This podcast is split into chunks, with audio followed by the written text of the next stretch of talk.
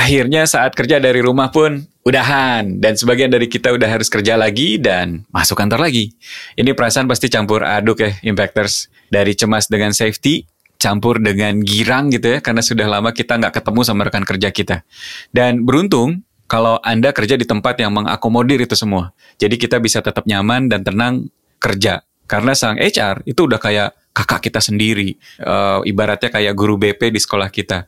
Yang bisa kita tanya-tanya atau kita curhatin kalau kita ngerasa kenapa-napa. Ya gak? Karena kan kita juga nyadar bahwa kita bukan orang yang sama lagi sejak kita udah lama kerja di rumah. Nah, ada satu orang HR yang kita kenal yang sangat passionate banget untuk berhubungan sama orang lain. Dan bikin kita berasa kalau ngobrol sama dia tuh seru banget. Impactors, it's time to listen to intonation of Dudi Arisandi, Chief People of Ticket.com.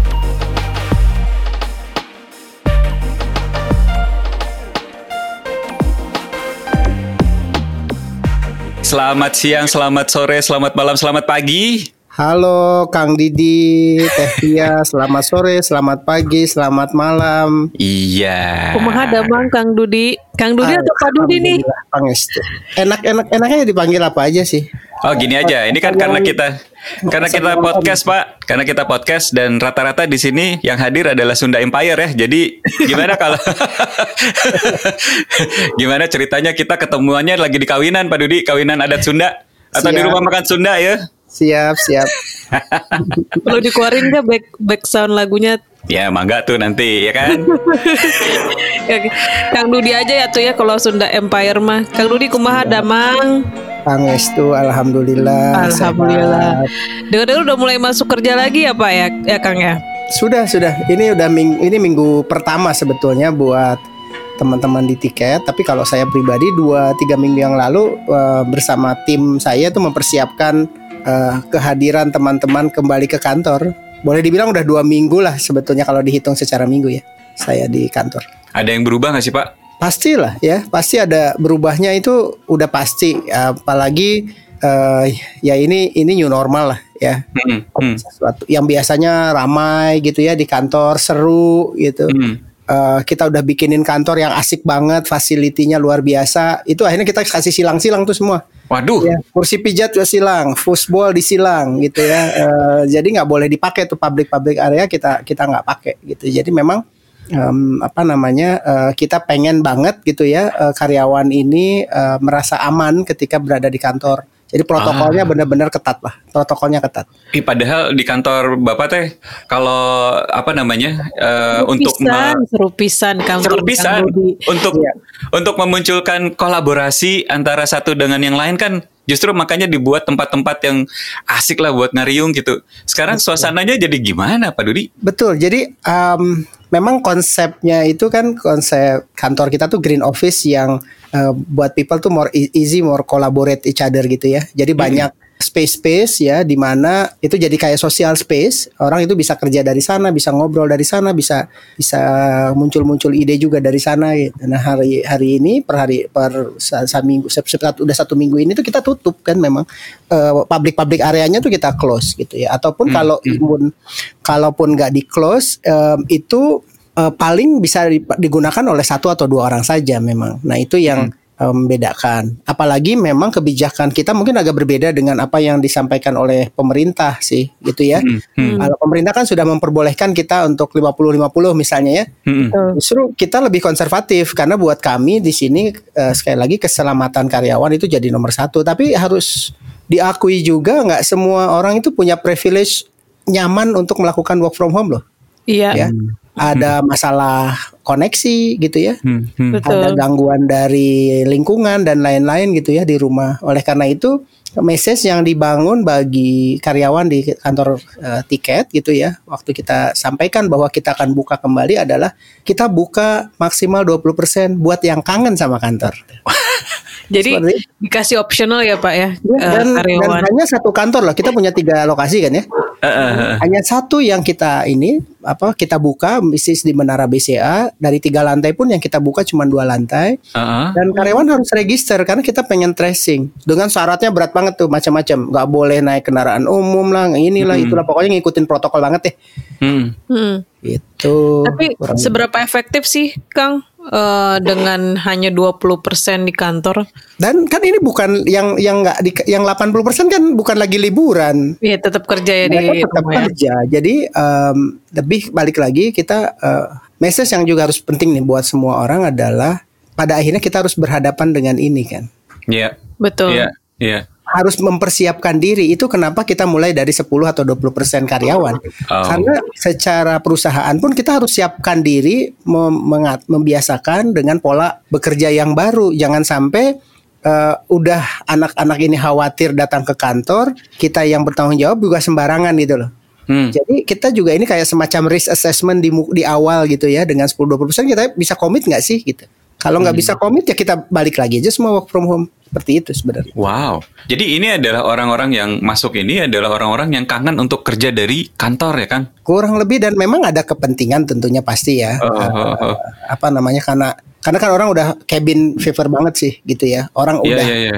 udah rindu banget keluar rumah gitu ya Iya, iya. orang juga pada dasarnya manusia itu kan makhluk sosial mereka Iya. perlu interaksi langsung gitu Oh ya. iya, benar sekali. Saya sudah kabin fever pisan. gitu jadi Ya, udah galau, Pak, kayak galau. momen eh, kayak momen yang bagus kan buat karyawan gitu ya Eh, eh. tentunya dengan syarat dan ketentuan berlaku yang banyak banget gitu ya jadi kita eh. bikinin bikinin registrasi form terus bikinin guideline back to office gitu ada panduannya tuh semua jadi mereka tinggal akses ke sana kalau tidak memenuhi syarat itu ada tim yang bilang eh karena lu baru dari rumah sakit dan lu punya sakit ini lu baru datang dari Bandung baru tujuh hari tujuh hari lagi ya baru masuk gitu kayak kayak gitu gitu Pak ini jadi banyak banget orang orang Nusono untuk ngantor gitu. Sono sama Sejauh Sono tuh ini ya, sejauh ini gitu. per hari, iya per hari itu ada sekitar 50 sampai 80-an orang sih. Gokil. Biasanya. Biasanya tuh kita males loh Pak ngantor itu. Tapi kalau ini ada orang sampai cinta banget gitu ya kangen sama ngantor gitu. itu mah gue sih gue kan suka ngobrol sama sama Iya. teman-teman tiket ya. Kayaknya tuh seneng banget aja gitu dateng gitu kan. Bapaknya juga kantor. asik kali ya di di tiket ya, bapaknya anak-anak. Iya mereka tuh bilangnya bapaknya anak-anak ya Pak Dudi gitu. Iya, Kang Iya kan? Dudi. Makanya gitu gue kita pengen banget ngobrol sama Pak Dudi gitu karena eh, apa namanya one of our friends yang menurut kita ini ini orang kayaknya gatal banget untuk selalu bisa kon connect sama orang gitu. Ini passionate passionate tuh gitu gitu. Jadi pengen tahu Pak Dudi, Pak Dudi tuh emang gaul pisan gitu dari dulu teh. Dari nih pengen jadi pengen tahu masa kecil nih Pak Dudi. masa kecil Pak Dudi, masa, masa Iya. kecil. Kumaha Iya, masa kecil? Saya bukan tipikal orang yang gaul, justru saya boleh dibilang kalau ditanya masa kecil, eh, hidupnya nggak mudah lah, hidup saya nggak gampang gitu. Jadi membuat saya lebih minder gitu, karena saya mungkin besar waktu apa mulai dari mulai dari kelas 3 4 SD itu sudah mulai masuk ke kondisi di mana kami satu keluarga besar itu satu keluarga itu mengalami musibah secara ekonomi lah ya.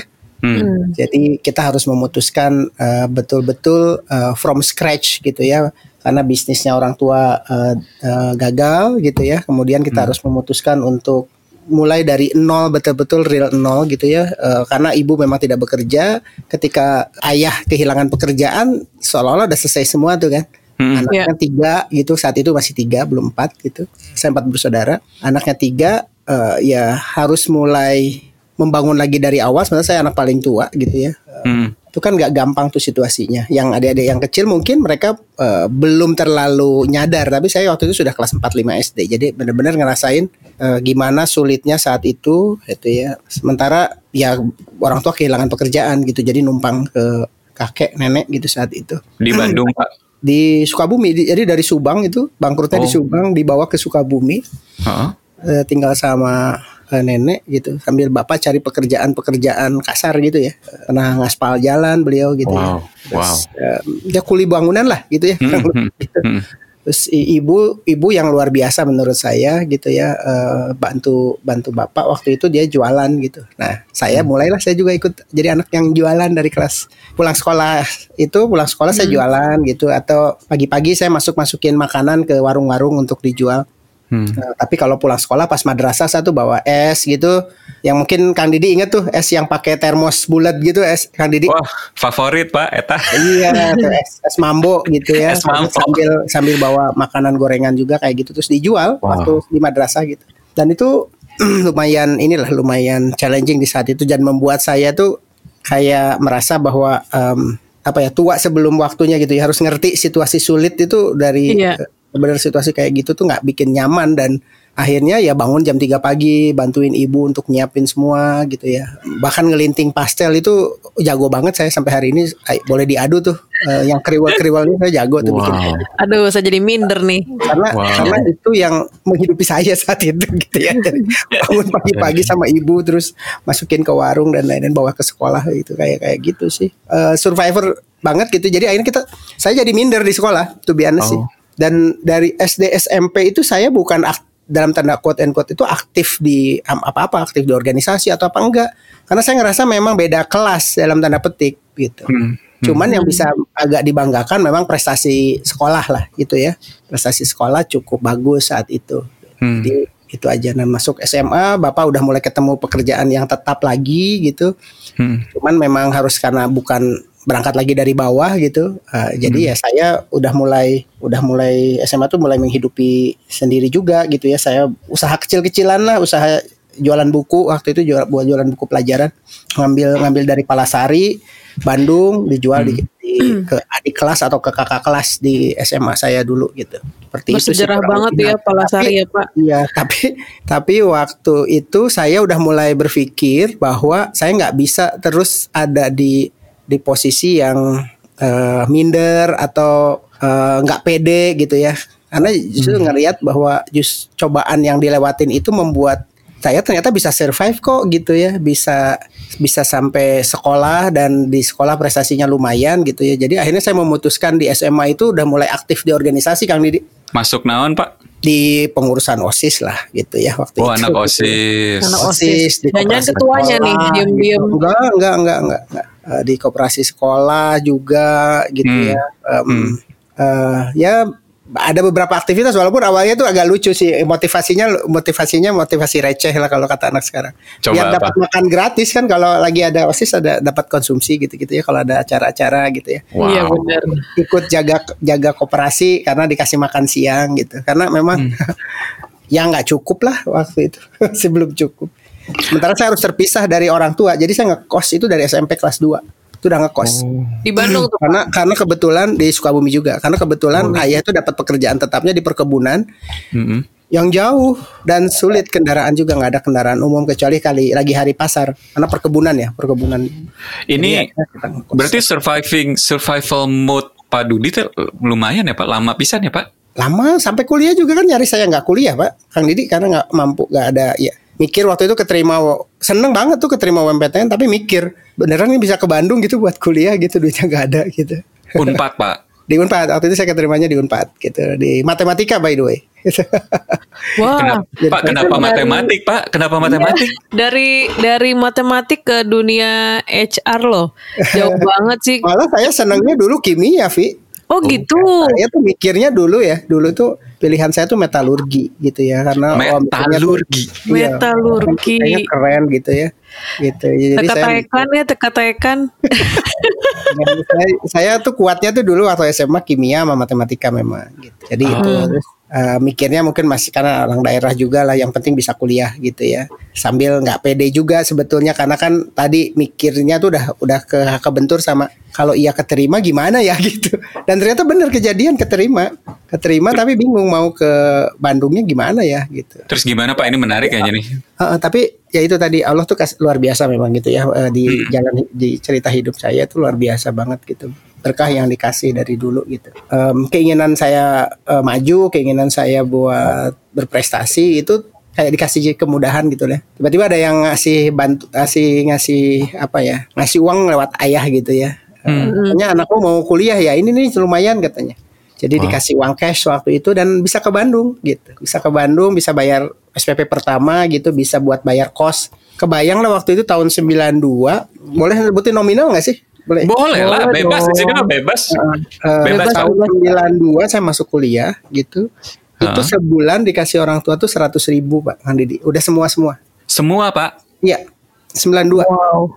Gitu Tahun berapa tuh? Ya, Fi? Didi tahu lah kalau tahun-tahun segitu makan juga berapa gitu segala macam ya. Jadi ya harus survive sama itu, harus survive sama angka itu.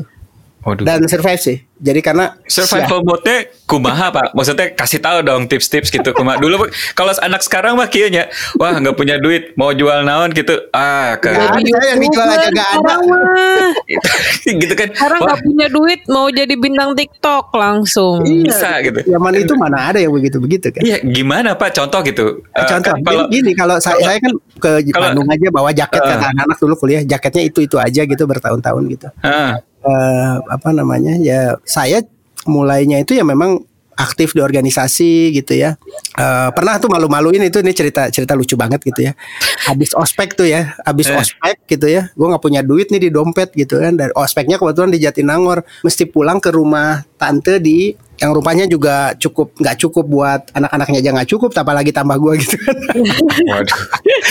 rumahnya tuh di Sari Jadi gitu dari Waduh, Jatinangor. banget. Saya tuh kan nggak punya eh, ongkos tuh pas-pasan kan kalau tiap hari aja habis tuh Jakarta apa sorry Bandung ke Jatinangor bisa Jatinangor. habis tuh duit Iya. gitu kan buat makan nggak ada. Jadi so akrab gitu kan saya ngelihat tuh di pas bubaran gitu ada mobil gitu. Saya ikut aja naik gitu tuh Kang Didi.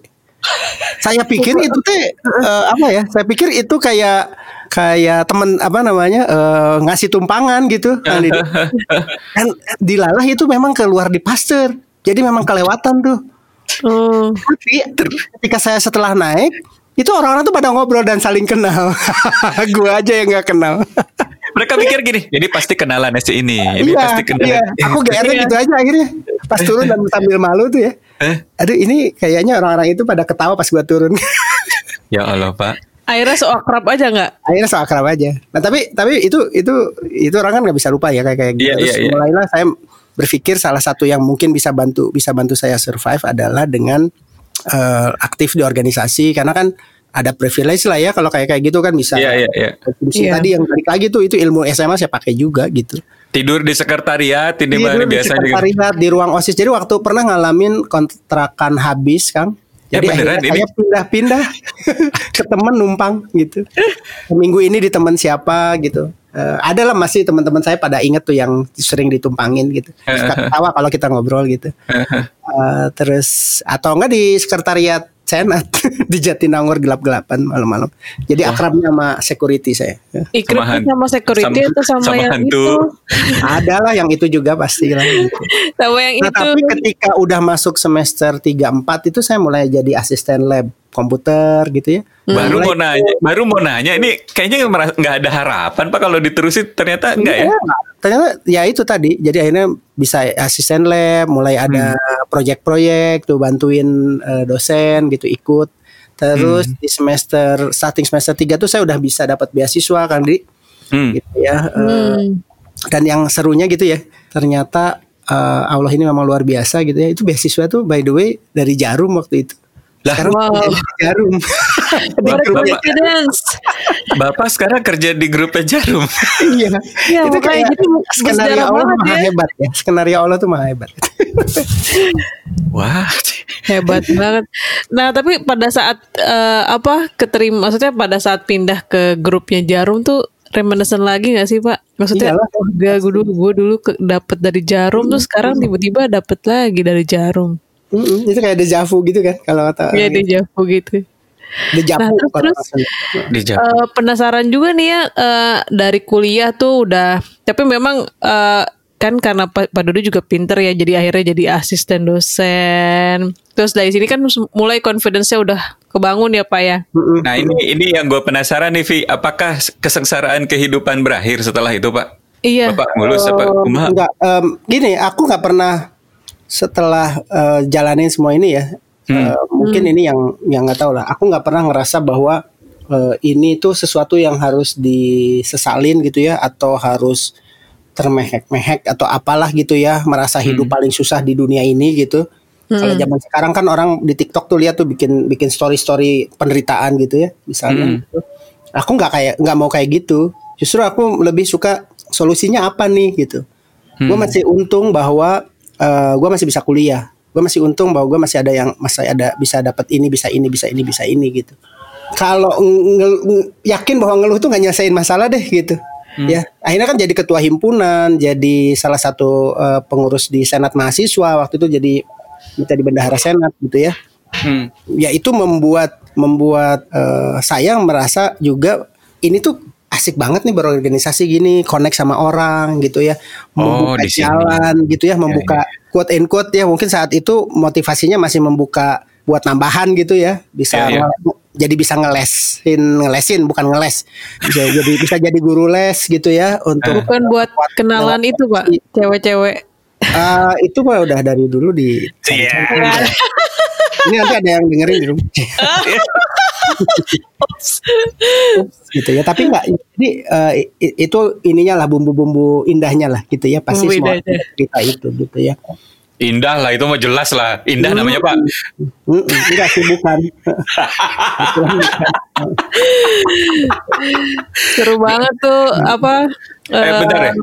Berarti Bapak Dudi tuh eh, lulus tahun kalau masuk tahun 92 kuliah berarti 97. Mm-mm. kuliah selesai sebetulnya di 96 Ah, Cuma waktu itu masih ada di kepengurusan senat terus masih ada pekerjaan-pekerjaan yang lumayan lah ada duitnya gitu jadi Oh, rada rada nyesein skripsinya agak lama Oh, mulai Tadi penting tuh di yang harus di quote dari omongannya Pak Dudi. Ja- jangan jadi victim mentality ya. gua catat. Banget. Gua Ya. catat tuh. Mm-mm. Ya, percaya Dicari deh bahwa- solusinya bahwa- apa gitu ya. Bahwa aku tuh udah dari dulu tuh punya ini yang sel- paling aku yakin banget ya. You got what you think gitu ya. Kalau mau dikasih bahasa rada gaya gitu. Anjir. Eh, kalau lu yakin lu bisa bisa. Kalau nggak bisa ya nggak bisa gitu. Lu yakin aja bisa. Yakin lu bisa gini. Yakin bisa gini gitu. Jadi omong- omongan adalah doa juga ya Pak iya, bener ya. Iya, iya. Dan dan memang kebetulan beruntungnya adalah karir bapak juga almarhum itu membaik tuh setelah saya kuliah membaik gitu. Tapi kan karena saya udah terbiasa mandiri gitu ya, Ah. saya nggak pernah bisa minta tambah gitu nggak. Jadi apa yang saya terima karena udah udah ada, ada penghasilan lain kan saat itu dari dari ngele, ya, guru les gitu ya terus dari yang lain-lain juga gitu malah waktu sebelum eh, setelah lulus tuh 97 ya itulah rezeki, rezeki selalu ketemu cobaan juga gitu ya 97 lulus eh krisis moneter ya nggak dapat kerjaan Aduh. Banget itu. Kayak- angges-angges gitunya. Ya, kalau kalau mau ini kok nggak beres-beres gitu ya Mm-mm. ada aja musibah tapi ya ya udah lewat tadi connecting koneksi dengan orang-orang gitu ya eh apa namanya membangun relation gitu ya Mm-mm. jadi akhirnya saya bisa ngajar waktu itu di di setelah lulus 97 itu belum dapat kerjaan apa ngajar. Sempat ngajar di D3 Unpad di PAP gitu terus ada di apa sekolah tekstil gitu. Serius Pak? Pernah Iya, di saya D3 sempat ngajar PAP di lab- pernah ngajar saya dong. di lab komputernya PAP Bapak Bapak pernah ngajar ngajar via Pak? Enggak, enggak lah kalau kalau pernah ngajar dia takut jodoh nanti. Nanti bukan jodoh, kamu tuh bukan jodoh. Udah gitu aja. Aduh, nanti denger loh Pak yang itu Pak. Apa-apa. Kan bukan jodoh saya bilang. Iya, siap. Jadi Pak, eh, menurut Bapak eh, membangun relations penting gitu ya? Penting, penting banget, penting banget. Penting banget. Karena Bapak udah mengalami sendiri emang kuncinya di situ. So so that's why you you Lu nggak bisa pintar sendirian Di- Kang Di gitu. Nggak bisa. Kalau orang lain nggak tahu kamu, oh ya selesai. Hmm. Ya, jadi pinternya kita, bagusnya kita juga harus ada yang tahu gitu loh. Bukan Ya. m- bukan ria tapi ya, karena memang mereka melihat kemampuan kamu gitu, melihat kemampuan uh, kita gitu di situ. Jadi itu pentingnya membangun relation itu sebenarnya ke sana, bukan untuk cari gantungan. ya. Uh, karena kalau gak cari gantungan doang nanti yang gantunginnya hilang, hilang tuh kesempatan untuk tumbuhnya. Emang gak enak Pak yang gantung-gantung Pak. Emang. Malu Pak 12 tahun digantung. ada yang gitu ya. Ada yang gitu. Nah, tapi menarik tuh ya pas abis eh, tahun 98 kan kena kena moneter dia tuh Pak ya. Abis jadi dosen tuh ke mana lagi sih Pak? Nah, kan kan gitu ya, kan kondisinya mau jadi namanya lulusan matematika kan terbatas juga ya. Coba ngelamar jadi dosen nggak keterima. Hmm. Ya mudah-mudahan yang uji saya waktu itu di Unpad ya para dosen matematika Mendengar ya. mendengar gitu ya di salah satu perguruan tinggi juga di di presentasi swasta juga itu saya nggak keterima di dua-duanya itu gitu jadi Wah. Nah, padahal cita-cita saya tuh dari dulu ya karena berangkat dari keluarga ya, ya serba pas gitu, gitu. Akhirnya ya. mikirnya tuh ah udah aku pengen jadi dosen gitu jadi karena udah gitu aja cita-citanya nggak ke mana nggak yang wow gitu kayak orang-orang gitu Jadi cita-citanya cuma mentok sampai jadi dosen Iya, Pak itu Pak. beneran beneran bahkan cita-cita itu sampai hari ini masih ada loh bapak pengen nanti kalau udah selesai semua ini mungkin jadi dosen Bisa banget tuh Pak jadi dosen sekarang. Jadi ini ini pencapaian ini lebih tinggi lagi gitu Pak. Buat saya iya ya. Buat saya ketika kita bisa bisa berbagi dengan orang lain gitu ya terus membuat orang lain lebih hebat dari kita Mhm. itu nggak terukur loh pencapaian itu gitu. Percaya Hmm. banget sama pahlawan tanda jasa tanpa tanda jasa itu saya sih. Tapi sebenarnya tapi sebenarnya emang kelihatan sih Pak Dudi tuh eh, ada passionate banget di untuk maksudnya ngajarin orang nurture orang dari yang nggak bisa sampai jadi bisa tuh udah kelihatan banget sih di tiket.com nih. Vi nggak jodoh, Vi nggak jodoh. Gak jodoh. Nah jadi tadi nyambung yang tadi eh Teh Via bahwa jadi 98 97 98 kan nyari kerjaan nggak dapat dapat tuh jadi Ah. dosen ditolak kemudian beberapa perusahaan waktu itu tutup karena krismon jadi proses sudah sampai akhir gitu akhirnya batal. Eh, tapi kan saya masih masih ngajar ya saat itu terus masih Ah. di lab lab komputer Unpad juga masih ada aja gitu ya Ini belum ada kerjaan yang hubungannya sama human human resource lah ya. ada, nggak ada. Itu ngajarnya juga saya ngajar komputer kok di lab komputer, ngajar Excel, PowerPoint gitu, Word gitu. Em, nah terus waktu itu ya udah akhirnya karena susah cari kerja, saya cari beasiswa untuk S2. Hmm. Hmm. Dapatlah waktu itu dari eh, University Research Grant gitu dari World Bank gitu. Eh, jadi ini gratis gitu. Eh, kayak gratisan gitu. Jadi nggak ada ikatan dinas apa-apa gitu. Kita dapat apa, biaya kuliah dibiayain, kemudian eh, ada uang saku setiap bulan juga gitu. Akhirnya daftar, daftar udah lulus tuh ITB-nya udah lulus tuh masuk ITB nih ngambil teknik industri. Bu S2 nih S2. Ya, eh, udah lulus, ITB-nya lulus, tapi beasiswanya belum ketahuan. Jadi kalau nggak dapet ya udah nggak jadi juga sih saat itu sih udah pasti lah nggak ada duitnya, gila mahal. Ya udah ternyata alhamdulillah beasiswanya juga dapat dari si World Bank itu, beasiswanya dapat. nah di situlah saya mungkin kalau ditanya apa sih starting pointnya eh, eh, masuk ke dunia HR ya ketika ngambil S2 itu saya ngambil di teknik industri kebetulan em, banyak terlibat aktif itu dengan beberapa dosen yang project-projectnya lebih banyak di eh, eh, human resource. Oh. Oh, Gitu. dari situ yang Dari mulai situ saya mulai kayak ketemu kliknya walaupun mungkin kan kalau lihat dari tadi cerita di depan saya memang kontak sama udah connect sama orang gitu ya. Iya. Itu di- enjoy banget tuh kayak kayak gitu gitu ya servicing people, service orientednya jalan karena dari jualan buku, melayani an- eh, teman-teman gitu ya. dari jualan gorengan bahkan Pak. Kan? Iya, gitu kan itu sebenarnya udah Es ada tuh mambo, es mambo. Es service mambo. service excellent gitu. Sadis. Bawa es mambo tuh tangan gede loh. Iya iya. Bawa termos. Gak, gak penting untuk dibahas di ah. Oh iya ya maaf. maaf.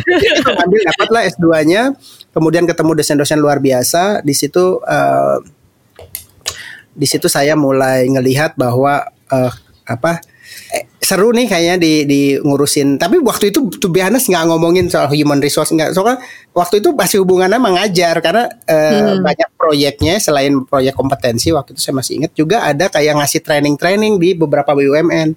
Wah, Nah, saingan kan ngajar juga tuh kan, ngajar juga gitu. Kita belum- kita di Kita belum ada, kita belum ada. saat itu ke, apa nggak kepikir bahwa ini tuh bidangnya human resource tuh enggak enggak beneran Hmm. Tapi udah tahu lah gitu ya namanya ini bahwa ini ada bidang ini gitu Hmm. Eh, atau maklumlah di kampung dari Sukabumi gitu ya kampungnya di kampung jadi Tuh ya satu udah. kampung sama Desi Ratnasari nggak apa-apa lah Pak. Bangga. enggak nah akhirnya eh kita satu SMP dan satu angkatan cuman beda kelas Is. Is, gitu ya. jangan cuma gak bilang-bilang "Eh, jodoh. Cuma ya." gak jodoh. memang gak jodoh lagi. Terus eh ya itu ternyata ketemunya itu setelah lulus S2 eh, karena memang waktu itu enjoy banget sama proyek-proyek kan lumayan tuh duitnya lumayan loh proyek-proyek itu. Hmm, hmm. Cuma Iya, karena iya. saya bukan bukan pegawai eh, tetap gitu ya. Tetap. Ya, saya pegawai tapi gajinya waktu itu masih ingat tuh tahun 2000-an itu gajinya 500 ribu dikasih setiap bulan di konsultannya dosen ITB itu Hmm, hmm. Eh yang gedenya tuh dari kalau ada ngajar, kalau ada apa tuh ada tambahan-tambahan lah ya, kalau ada proyek-proyek dari sana, kalaupun ada lebihnya gitu. Hmm. Eh, nah, eh, sementara saya ketemu sama si Manehna eta tak ada Si Manehna. sama istri saya yang sekarang jadi istri saya di situ Indah pak. Pas lagi ngajar tuh Pak, jangan-jangan murid dia tuh. Eh, gak usah cerita itu panjang soalnya gitu. Oh oke itu satu podcast lagi sendiri ya Itu Pak ya, satu season sendiri, sendiri lagi. Siap. Jadi singkat cerita memang saya eh, udah dia udah lulus, saya udah lulus S2, dia lulus de- dari sekolahnya juga. Em, adik saya menikah duluan gitu. Gak Eh, apa-apa, Pak, gak apa-apa. Jadi akhirnya eh, pada cowok gitu kan, terus akhirnya ibu, juga udahlah nikah aja nih. Nikah belum punya kerjaan tetap dan akhirnya saya coba melamar lagi gitu ya. Eh, Hmm. Susah juga ternyata se- eh, apa eh, belum dapat juga akhirnya tapi kan masih ada kerjaan itulah ya. Hmm. Ya, tiba-tiba saya dapat panggilan dari Hero eh, untuk eh, masuk ke sebagai karyawannya Hero ya saat itu dan nggak tahu ya makanya saya percaya bahwa Allah itu udah kasih skenario hidup saya tuh keren banget gitu. Hmm. Itu saya masuknya malah di HR dan saya masih ingat banget omongan eh, bos saya pertama kali di HR itu eh, eh, posisi yang kita cari ini junior CNB officer bukan ngambil dari S2-mu katanya tapi dari S1 kita nggak bisa bayar untuk S2 bayarnya bayar S1 karena CV yang kita dapat juga ini adalah CV waktu saya ngelamar manajemen trainee di tahun 97 98 Oh. tahun 97 gitu. Jadi mereka tuh masukin ini ke keep apa namanya eh, active file namanya tuh. Ya, ya, ya. Oh, iya. Gitu. Tapi ternyata saya ditawarinnya karena saya lulusan matematika dilihatnya oh udah masuk ke payroll ke compensation and benefit. Jadi saya tuh kali pertama saya tuh junior CNB officer namanya ya. Hmm, Satu level di atas supervisor gitu. Ngurusin payroll dan HR system waktu Hmm. itu. Nah dari situ udah mulai udahlah cerita HR itu mulai dimulai dari PT Hero Supermarket sebagai tempat sekolah saya paling pertama gitu di dunia HR. Hmm. Nah, si Hero itu kayaknya yang jadi moment of truth ya, berarti ya, Pak Dudi ya. Emang, tapi ada hubungannya nggak sih Pak? Eh, maksudnya ya walaupun kita, walaupun Pak Dudi kuliah di matematika, tapi maksudnya bisa diaplikasiin nggak sih di dunia HR ini si matematika itu? Sebetulnya kan gini, kalau uh, kuliah kamu di mana pun gitu ya, itu kan yang terpenting itu mengajarkan berpikir terstruktur gitu ya, berpikir runut Oke. ya, no matter your uh, background atau belajar ilmu apa pun gitu ya. Tentunya paling keren itu kalau kamu sekolah A dan itu juga passionnya kamu gitu ya, terus dapat kerjaan juga di A itu bakal keren banget kan? Hmm. Ya, itu kayaknya eh, eh, ikigainya udah ketemu dari awal tuh gitu. Kalau udah kena kena seperti itu, tapi apakah hidup itu kayak gitu kan enggak? enggak. Ya. Iya, hidup itu Enggak semuanya itu. ideal gitu. Hmm. Hmm. Dan dan saya nggak menyesali apa yang sudah saya pilih. Saya nggak pernah nyesel bilang oh saya eh, apa nyesel milih matematik. Bahkan saya beberapa tahun saya jadi eh, ketua ikatan alumni matematik gitu ya Hmm. saya se- bangga saya sebagai alumni matematik gitu. Dan ternyata terpakai saat itu memang terpakai walaupun mungkin ya ya kalau mau lucu-lucuan ya liatin gaji kan angka-angka tuh gitu kan. Hmm. Hmm. Tapi nggak pakai integral, nggak pakai apa-apa gitu ya udah udah lupa tuh yang aljabar abstrak, analisis real gitu yang pusing bikin pusing selama kuliah memang nggak lang secara langsung kepake sih memang gitu. Hmm. Gitu. Tapi kan tadi logika berpikir eh, apa namanya, kemudian bagaimana balik lagi tadi bagaimana kita membangun koneksi dengan yang lain gitu, Hmm, setra- terus belajar hal-hal baru yang yang balik lagi saya berasa beruntungnya adalah saya ketemu atasan itu dia dari mulai level manajernya saya sampai ke direktur HR saat itu yang sampai hari ini masih jadi eh, buat saya adalah dia mentor mentor terkeren saya juga gitu Eh, itu memberi saya kesempatan luas untuk belajar hal-hal baru di dunia HR. Kan mungkin ada juga tipe kita ketemu dengan atasan yang mau menciptakan kita jadi seorang spesialis kan. Hmm. Nggak salah, nggak salah karena memang mungkin kita kuat sebagai spesialis gitu. Tapi ketika saya masuk ke karir ini dan diberi kesempatan melihat banyak hal, itu kayak cakrawala saya jadi kebuka banget kan Hmm. decisionnya pasti ada di saya apakah kamu mau em, melanjutkan di bidang compensation benefit as a spesialis atau menjadi seorang HR yang lebih komplit kan gitu ya Hmm. Iya. pilihannya kan di saya tapi apakah semua orang itu diberi kesempatan untuk melihat pilihan itu menjalani pilihan itu itu yang saya pikir mestinya para leader saat ini pun mikirin yang itu tuh, ya, Hmm. mikirin tuh bahwa kalau bahasa tadi ya mungkin bilang soal nurturing, nurturing, nurturing people, Hmm. ya. karena eh, potensi orang itu kan nggak bisa sekaligus dari sekali lihat lu bakal tahu gitu. Oh ini orang kerennya di sini nggak belum tentu. Hmm. Harus dikasih dulu kesempatannya. Dan saya tuh merasa bos saya ya kalau beliau dengerin Pak Amiruddin Latif sama Mbak Agus Susianto itu keren banget. Saya kerja di bagian payroll tapi disuruh ngelit project. Misalnya buka buka toko sok hero saat itu. Buka toko loh itu artinya kan rekrutmen. Timnya ada tim-tim rekruter gitu. Kemudian nutup Keren toko. banget ya, itu nutup toko. Nutup kan nutup toko artinya saya belajar banyak tentang industrial relation.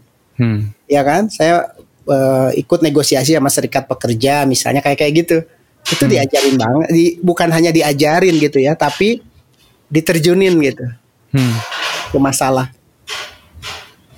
Itu kurang lebih sih. Jadi background pendidikan penting ya. Jangan bilang nggak penting nanti orang nggak pada mau sekolah gitu ya.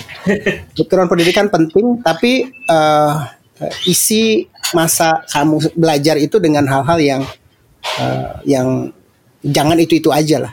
Aduh, keren banget nih Pak Dudi nih. Beruntung banget juga ya dapat leader-leader yang bisa bisa eh, apa bikin kita exposure ke hal-hal yang lain ya Pak ya. Tapi dari di situ berapa lama sih Pak? Kalau boleh tahu di Hero tuh? lima tahun Oh lama juga ya. Nah, habis Lama dari situ juga ke mana tuh? Habis saya dari ke Hero. Sogo waktu itu ke Sogo dari Hero saya Oh, ke Sogo masih Sogo. retail juga Oh, Saya ke sempat ke Sogo. Sogo. Ya sempat di Sogo eh, di MAP ya itu s- sama lima tahun juga gitu.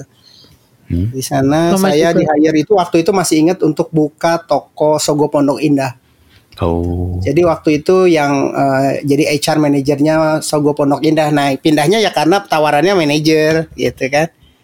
Ini- rada- Ini kayaknya kalau dilihat dari pola aja Bapak akan dikelilingi oleh indah-indah yang lain ini sepertinya ya. eh, kayaknya begitu. Dia yang Pondok Indah Mall ya Pak ya? Ini satu episode ya satu episode ya. Ya ini satu episode loh. Lanjut lanjut. lanjut. Jadi Pak Dudi, kalau misalnya dipersingkat nih berarti nih ya eh, ada perusahaan-perusahaan setelah Sogo itu kan kalau dilihat di LinkedIn-nya tuh kan ada eh ke You Ke First Johnson. Consultant, terus ke Johnson Home Hygiene Product, SC Johnson, Ya. terus ke Global Product Supply and Global Business Solution-nya eh, Johnson Home juga. Eh, Perfo- People and Performance Director untuk Southeast Asia Kraft Heinz Company. Sebelum akhirnya kita ketemu waktu kita di tiket ya Pak, waktu Bapak di tiket gitu. Wah saya ini nggak dikasih minum ya. di kan, di Heinz, tapi saya nggak diketemuin. Oh iya iya iya iya iya iya iya iya iya betul iya, betul. Iya saya inget pak yang yang nggak dikasih minum. Bukan saya itu ya karena saya nggak tahu itu. dua jam dua jam presentasi ya nggak dikasih minum Jo. Iya kan lo, itu. lo harusnya dikasih saus bukan dikasih Iya, iya. minum benar juga Ya, dong. harusnya dikasih saus. Iya kan lumayan buat di rumah masak. Coba berpikir positif, mungkin kami berprasangka saat itu teman-teman lagi puasa. Benar, Iya, iya. benar. Betul, betul, betul. Benar, Pak, benar, Pak. Benar, Pak. Kita juga baru kenal Bapaknya juga waktu di tiket kan. Kita nggak nggak ngeh kalau ada Betul, Bapak di betul. situ. Iya. Tapi gue inget Eh, banget tuh waktu pas eh, pas ketemu apa sama timnya Pak Dudi tuh di perusahaan sebelumnya Pak Dudi sekarang itu pas ngeliat Pak Dudi, oh itu tuh, tuh bos gue tuh bos gue. Wih, kayak gila-gila ini banget kayak kayak serem banget gitu. Tapi ternyata kocak banget orangnya Pak Dudi ini. Dia bisa, dia jago banget pantun loh di kita belum denger dia pantun. Minta pantunnya dong. Pantun apaan? Tadi udah ngasih tuh ke Didi pantun dalam rangka COVID gitu. oh, iya. Mau dong. Mesti Kan Bapak yang bacain, Pak. Oke. Heeh. Jaga jarak, physical distancing, cakep. Cakep. Nah, pengen ke mana-mana harus tetap sabar. Cakep. Sampai kapan sih kamu bikin pusing, bilangnya sayang, tapi nggak berani melamar? As. Ini cocok nih buat teman-teman yang single bisa dipakai nih buat ini buat nyindir-nyindir ya. iya, iya. Pak, Ya gitu. Jadi eh, apa namanya? Bahkan pantun Bapak aja tuh barusan sebenarnya eh kok bapak bisa sih pak gitu tiba-tiba come up dengan pantun gitu kayaknya apa pun yang bapak create itu tuh untuk ngetok-ngetok pintu hati seseorang ya gitu kan jadinya uh, saya tuh jadi kepikiran lagi pak kalau bapak nih sekarang gitu ya pak ya uh, ngelihat Indonesia sekarang gitu apa sih pak yang bapak belum wujudin pak selain bapak pengen jadi dosen gitu Apa ya yang belum diwujudin ya? Kok susah sih Ya. nanyanya di? kan cita-cita yang tertinggi aja sudah dilampaui gitu masih ada tuh Ya cita-cita tertinggi belum lah. Saya pengen jadi dosen itu kan ya ada sih sambil sekarang juga suka ngajar gitu ya. Nanti abis ini abis ini ada yang ini Pak, ada yang nawarin Pak Dudi mau jadi dosen di yang dengerin intonation ya dia. Yoi. Jadi ya kalau kalau saya dikasih kesempatan tentunya ini bagian dari kenapa saya sebetulnya memilih tiket ya Kang Didi ya. Hmm. Jadi eh, mungkin orang akan bertanya juga ngapain sih udah settle di industri yang ya, am- apa di multinational company gitu ya.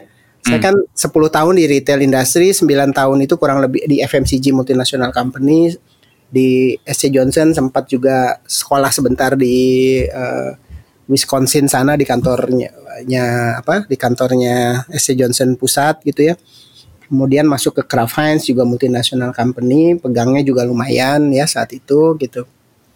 Eh, terus kok memilih ke tiket kan gitu ya orang pasti nanyain gitu udah settle udah apa? gitu. Kok masuk ke tiket yang saat saya join itu karyawan masih 450 Em, apa namanya PR PR juga masih ada ya dengan eh, udah dimulai bu- eh, mungkin sama pendahulu-pendahulu saya sebelumnya tetapi tentunya kan eh, buat company yang growth-nya lagi secepat tiket perlu ada perbaikan-perbaikan juga gitu ya.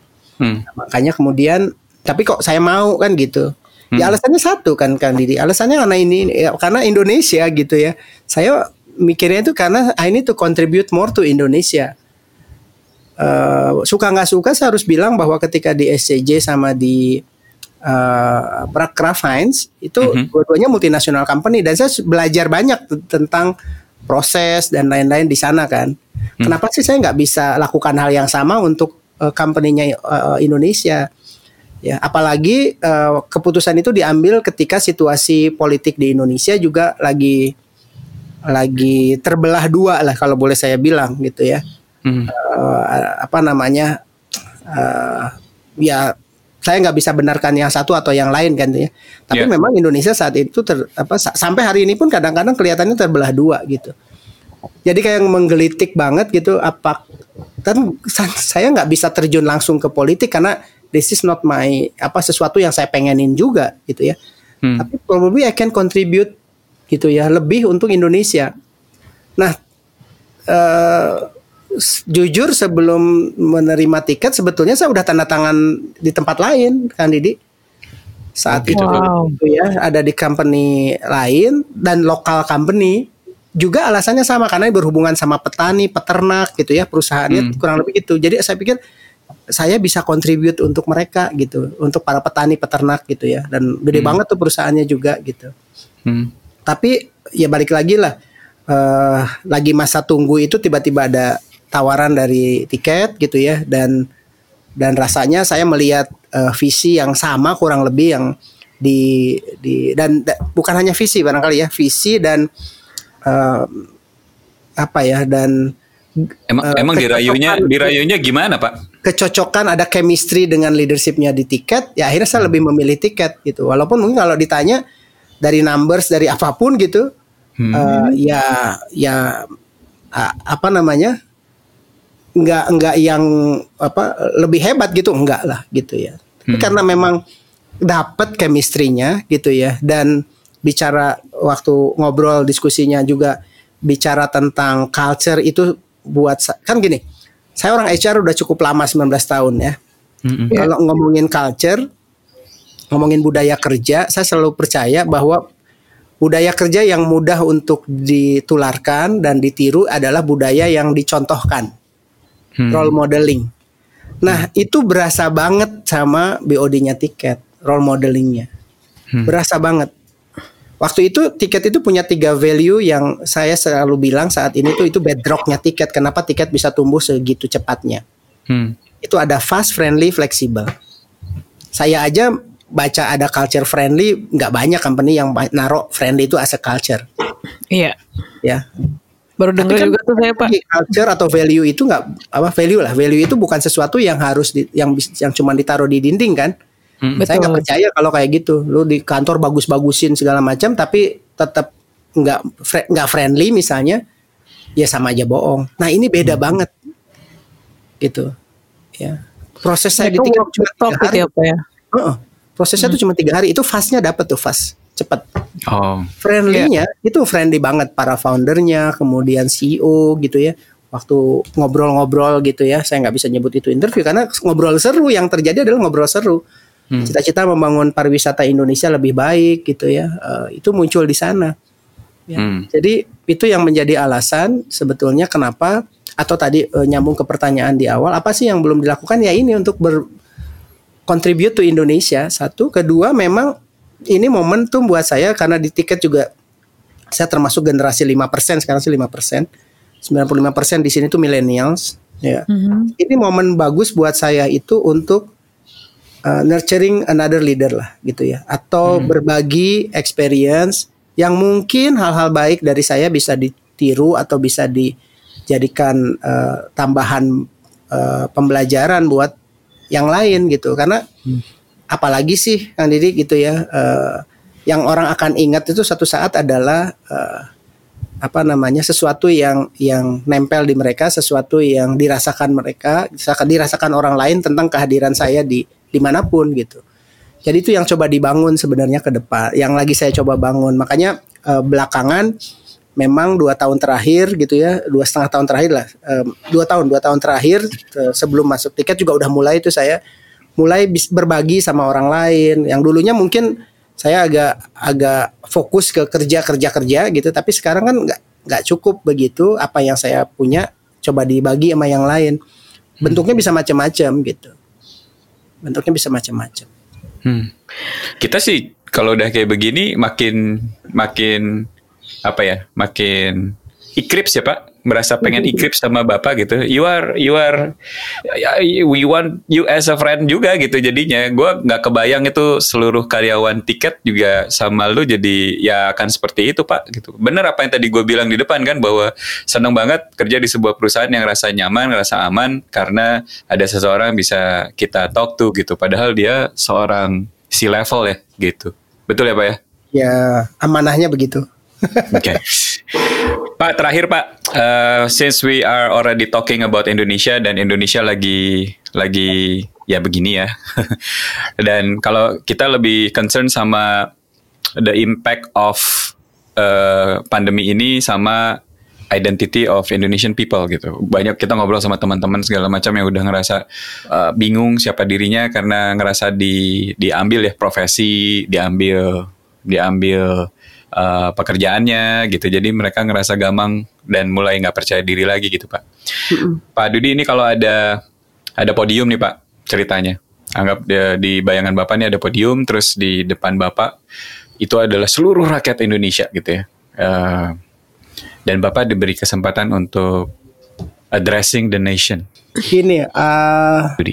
saya balik lagi Bang Didi perjalanan hidup saya tuh mengajarkan Bangga Pak ke addressing the nation, Pak.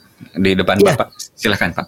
Iya, jadi saya me- perjalanan hidup saya, panjang hidup saya itu mengajarkan bahwa di setiap musibah yang kita hadapi, masalah yang kita hadapi, itu selalu akan ada jalan keluarnya. Jangan menyerah, ya, jangan menyerah. Tidak masalah kalau kita sekarang tidak baik-baik aja, wajar. Tetapi jangan menyerah. Cari solusi, temukan solusinya. Karena setiap problem yang dikasih Tuhan, yang dikasih Allah, Allah juga udah kasih solusinya. Itu aja sih. Keren Pak, terima kasih banyak Pak Dudi. Thank you Pak Dudi untuk waktu dan cerita-ceritanya buat teman-teman Impactors dan kita juga tentunya. Eh sukses ya. Ini ini eh, privilege banget buat saya bahwa saya menjadi oh, salah satu teman yang diajak berbagi di sini oleh teman-teman Impact itu luar biasa. We, we feel honored Pak, beneran. Terima kasih banyak ya Pak. kita apalagi. Terima kasih ya Pak. Semoga ini berguna buat teman-teman semua. Uh, Amin, amin. Semoga benar-benar membuat teman-teman jadi merecall lagi ceritanya masing-masing dan ngerasa bahwa we are okay, you are okay, and we can survive all of this. Bahkan kita thrive from this karena seperti kata Pak Dudi, persoalan yang datang pasti diciptakan berpasangan dengan solusinya oleh Tuhan Yang Maha Esa. Ya Pak ya. Betul. Ya, Terima kasih Pak Dudi. Sampai ketemu lagi ya Pak. Ya, ketemu ya. lagi Pak. Thank you. Salam buat teman-teman di tiket. Thank you Pak. Thank you Thank semuanya. You. Dah.